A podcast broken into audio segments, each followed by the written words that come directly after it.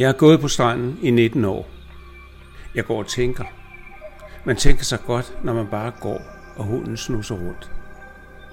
Og så var det jo også på stranden, jeg mødte mig selv igen. Forleden tænkte jeg på, hvorfor mit liv blev, som det blev. Jeg tænkte, du mistede noget vigtigt som barn. Hvornår var det? Du må prøve at tænke tilbage og huske hændelser.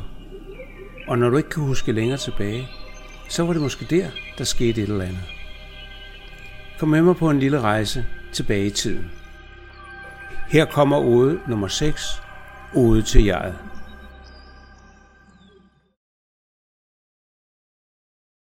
Jeg mistede livet i syvårsalderen. Jeg husker det ikke som en bestemt begivenhed. Men det jeg, som vi alle foræres ved fødslen, smuldrede stille og forsvandt. Jeg husker, at jeg begyndte at blive voldsomt genert.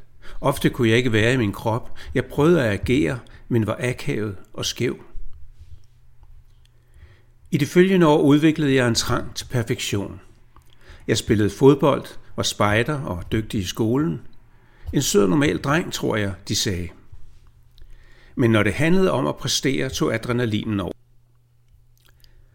Som ægtemand og kæreste var jeg omsorgsfuld en stund – indtil trangen til at præstere og komme videre tog over.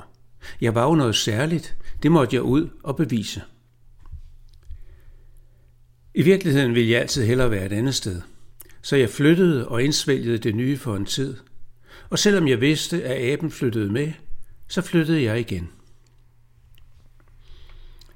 Jeg fik livet tilbage 60 år senere.